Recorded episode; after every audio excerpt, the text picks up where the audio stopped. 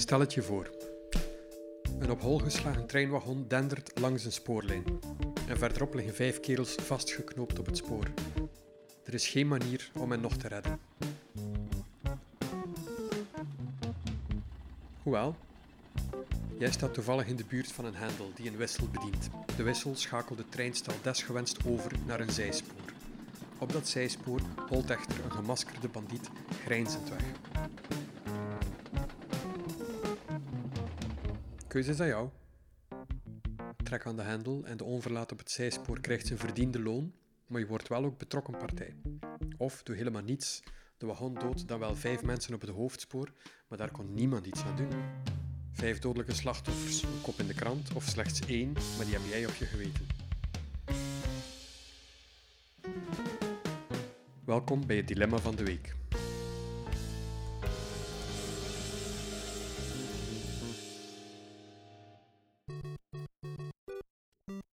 ...1984. De ministeries van Vrede draaien op volle toeren, Gopal wordt overspoeld door benzine en Marvin Gaye drukt zijn snor. Te midden van al dit onheil ziet een vrolijk deuntje het levenslicht. Het is de soundtrack van een videospel waarin loodgieter Mario de ontvoerde prinses Perzik hoopt te bevrijden. Stoute schildpadden en bijtende distels belemmeren de weg. Hij vangt muntjes om aan de kost te komen. Van paddenstoelen wordt hij groot en sterk en als hij een zeldzame ster vindt, wordt hij onoverwinnelijk. Tegen de tijd dat Chernobyl in de grond smelt, is Mario even bekend als de Bijbel. Ik ben dan zeven en via elektroencefalografie kwam de neurowetenschap te weten dat kinderen op die leeftijd hun vroegste herinneringen kwijtraken, om plaats te maken voor een begrip op de grote mensenwereld. Mario zat achter een knappe prinses aan en ging dood als hij tegen een schildpad aanliep. Hij ging zelfs dood als hij gewoon al in een ondiepe put viel. Maar wij hielden daar geen trauma's aan over. Super Mario kwam minstens drie keer terug tot leven. En we leerden ook dat met een paddenstoel alles leuker wordt en hoe meer geld je verdient, hoe langer je mag blijven leven.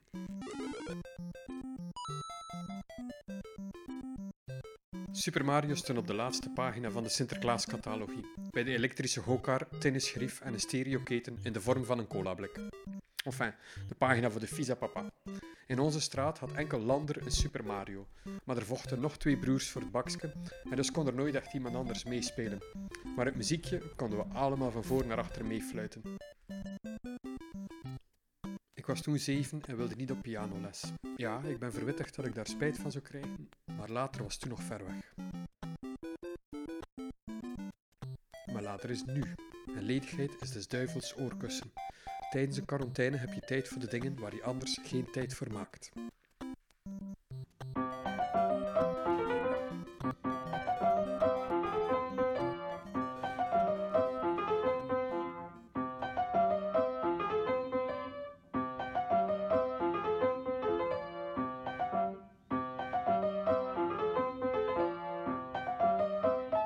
Alle begin is moeilijk, maar oefening baart kunst. De Westhoek staat een villa met erop in geplooid ijzer de naam Doorzettingsvermogen. Hier is hard voor gewerkt. Dat zou niet de villa van een visa papa zijn. En inderdaad, van die piano heb ik nu dan wel spijt, maar dat ga ik nooit toegeven. Ik neem het de jongen mezelf ook niet kwalijk. Wist ik veel toen. Het is ook nooit te laat. Verstand komt maar met de jaren.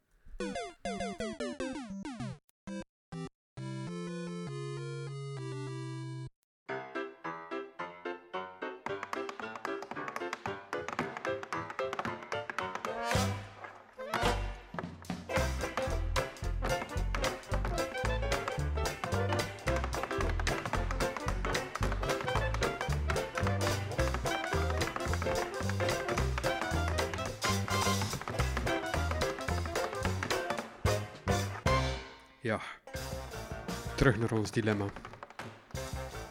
Het trolleyprobleem is een gedachte-experiment in de ethiek dat voor het eerst, maar niet uitsluitend, werd beschreven door Philippa Foot in 1967. Wikipedia. Het is een regelrecht ethisch dilemma. Als je de keuze daarnet nog makkelijk vond, wat dacht je hier dan van? Een op hol geslagen treinwagon dendert over de rails. Verderop staan vijf spoorarbeiders. Je kan ze onmogelijk op tijd verwittigen. Jij staat toevallig in de buurt van een hendel die een wissel bedient. De wissel schakelt de treinstal desgewenst over naar een zijspoor. Probleem? Op dat stuk spoor is nog een andere spoorarbeider aan het werk. De keuze is aan jou. Trek aan de hendel en de onfortuinlijke spoorarbeider komt om het leven. Of doe helemaal niets.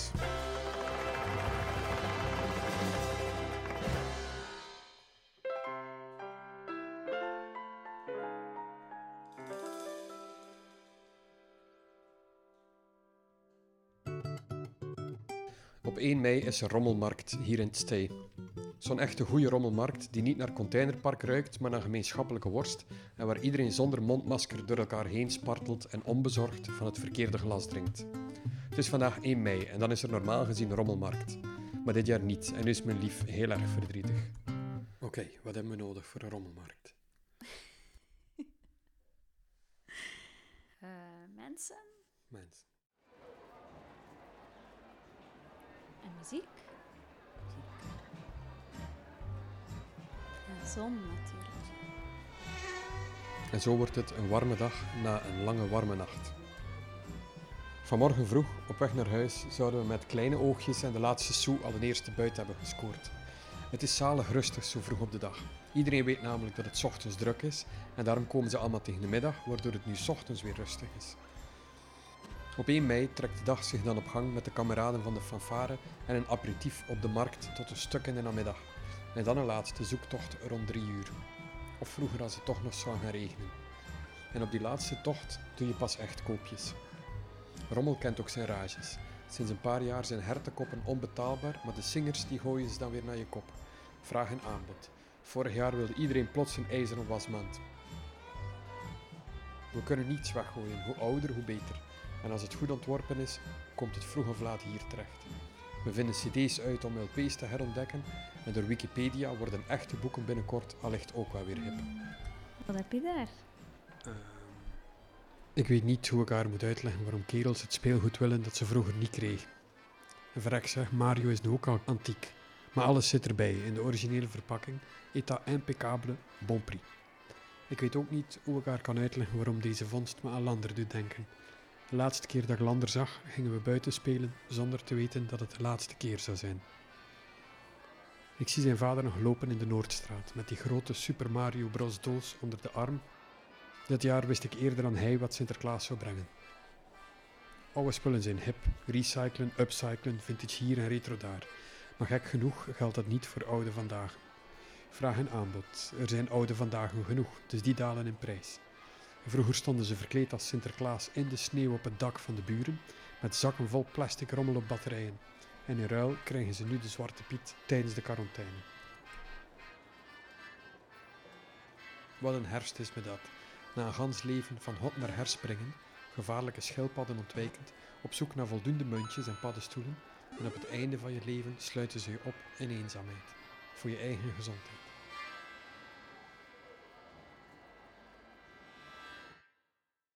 Stel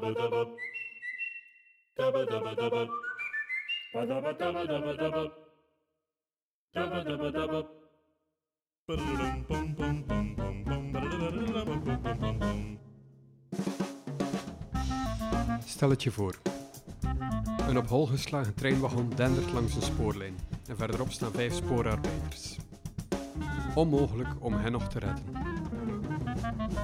Hoewel, jij staat toevallig in de buurt van een hendel die een wissel bedient. En de wissel schakelt de treinstal desgewenst over naar een zijspoor. En op dat zijspoor staat een kind van zeven op de rug een boekentasje met een lozel prentje, iets van Studio 100. 50 in 1. Keuze aan jou.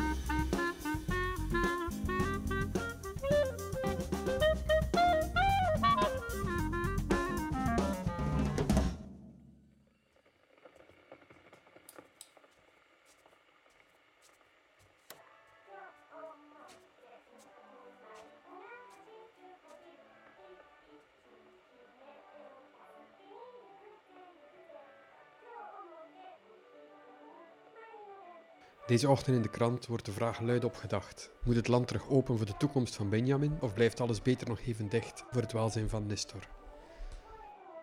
De gemiddelde leeftijd voor mannen en vrouwen stijgt, maar die van senatoren daalt. Dus zat het er al licht op aan te komen dat er vroeg of laat een prijs kwam te staan op een lang leven. In het artikel wordt niet berekend hoeveel een leven waard is, maar hoeveel het kost.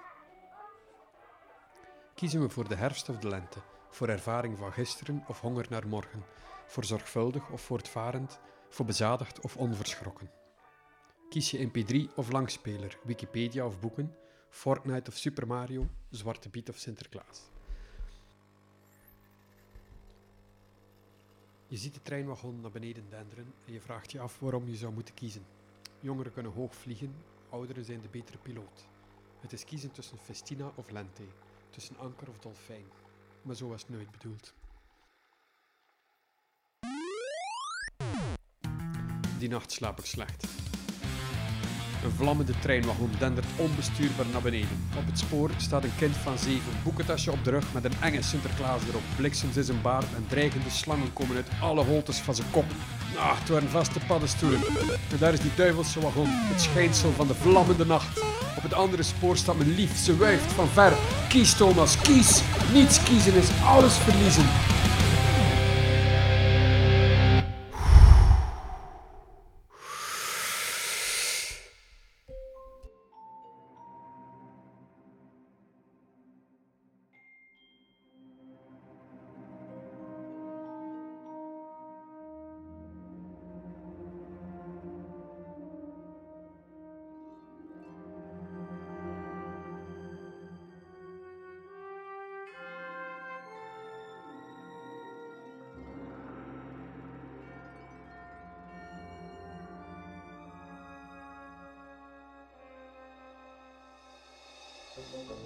Het is ongelooflijk hoe een minuscuul bolletje eiwit met wat DNA erin zo'n heftig vraagstuk op tafel krijgt. Het ziet er naar uit dat het niet meteen de laatste keer zal zijn. De beschaving van een samenleving valt af te meten aan de wijze waarop ze omgaat met ethische dilemma's. En met elk beantwoord dilemma zijn we ook een illusie armer. De illusie dat het leven meer waard is dan zijn gewicht in goud.